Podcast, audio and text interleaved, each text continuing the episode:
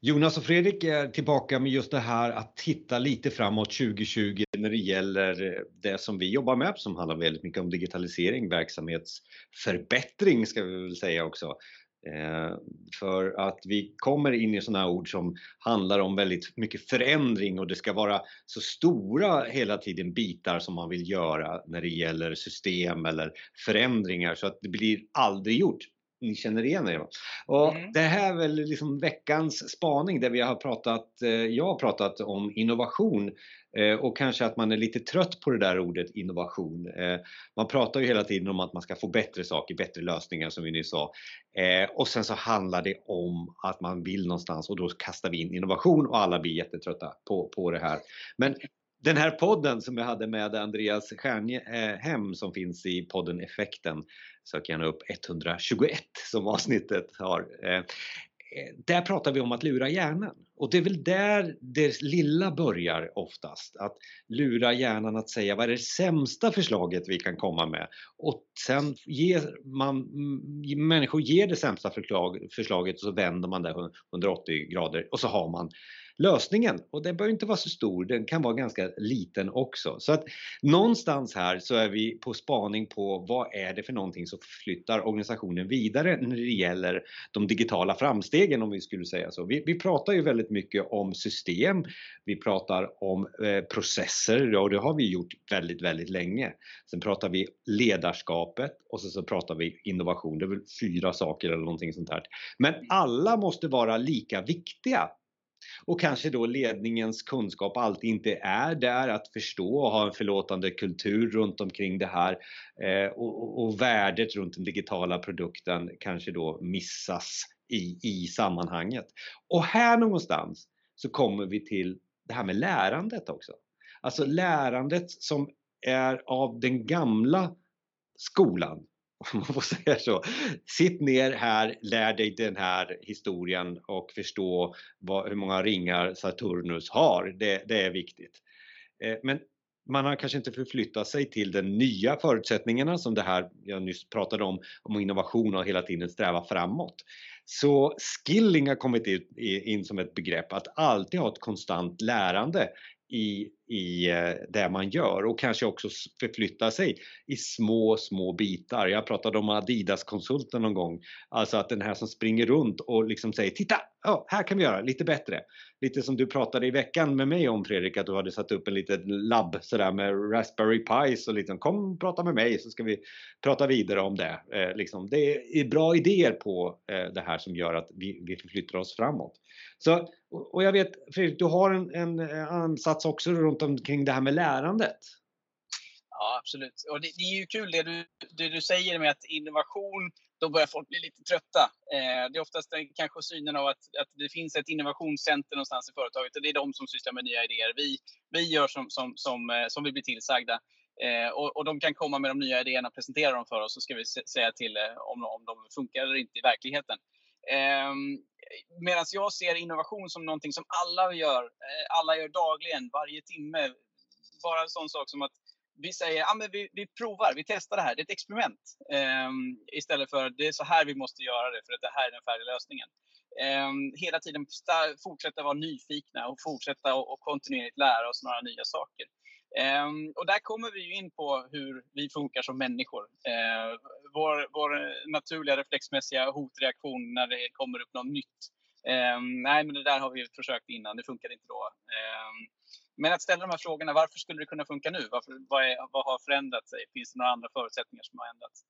Um, och ställa de här viktiga frågorna till folk. För, och, och, som du säger, kanske ha lite tricks eh, för, för sig hur, hur man kan få folk att tänka i nya banor hela tiden.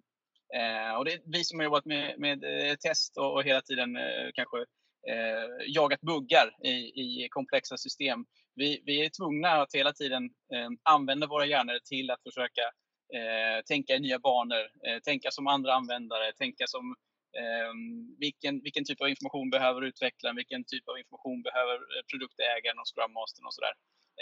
Så att jag tror att vi har en, en en eh, bra utvecklad förmåga att försöka förklara eh, kring, kring de här olika typerna av sätten att lära och, och hur hjärnan funkar i de här Men nu, nu är vi två personer som har åsikter. Det måste ju finnas, kan vi inte haka upp ett system runt omkring det här också? Ja, eh, om man tittar, det finns ju, eh, jag, ska, jag ska dela ett foto här från World Economic eh, Forum som har eh, nyligen tagit fram ett ramverk Eh, kring, kring, eh, kring det här. Det här är World Economic Forums eh, Education 4.0 framework där man tittar på åtta olika punkter där man pratar mycket om att, att nätverka, man pratar om en inklusiv eh, inbjudande lä upplärning i, i, i, skolan. Man pratar om att dela eh, eh, information mellan, mellan elever, lärare och att det inte bara måste vara läraren som du säger som, som, som säger vad som är berättar vad som är rätt och fel. Utan man, man tar fram olika typer av teser, man, man eh, vänder och vrider på olika typer av synvinklar och diskuterar. Eh, man lär sig social skills, man lär sig ehm, eh, att skilja på eh, olika typer av eh, källkritiska metoder och sådana saker. Ehm, det här är någonting som, som, eh, som vi i industrin ofta brukar vara tvungna att, att, att jobba utefter de här typerna av principerna. För det är så här verkligheten funkar, det är så här vi utforskar olika typer av okända områden när vi, eh, när vi ställs inför ett komplext problem. Eh, så det är bra att, att de här principerna tas fram och också försöker eh, tillämpas på, på barn och ungdomar, eh, tycker jag. Jag tycker och, när, ja, och när jag tittar på det här så, så ser jag att det, det handlar ju väldigt mycket om just den här det mjuka värdet ser jag framför mig. Jag ser framför mig kreativiteten. Jag ser framför mig tekniken eller teknologin som de hade där som mm. någonting som kanske appliceras lite, eh, inte så tungt, alltså soft skills-aktigt igen då i det här. Eh, och, och, och, och, det kanske är det de har tänkt för att, nu använder jag ordet leka, men i alla fall att eh, mm. kanske iterera fram eh, kunskap. Absolut, den här förändringen är inte möjlig att göra om vi inte har haft den, den digitaliserade resan eh, som bäddar och lägger en plattform av teknologi som vi kan bygga det här nya lärandet på. Eh, så att digitaliseringen av skolan är eh, ett, måste, ett, ett, ett, ett krav innan. Eh, men efter det så kommer ett förändrat beteende, ett förändrat inlärande. Eh, och det är precis samma, samma eh, transformationsresa som, som vi jobbar på med i, i industrin.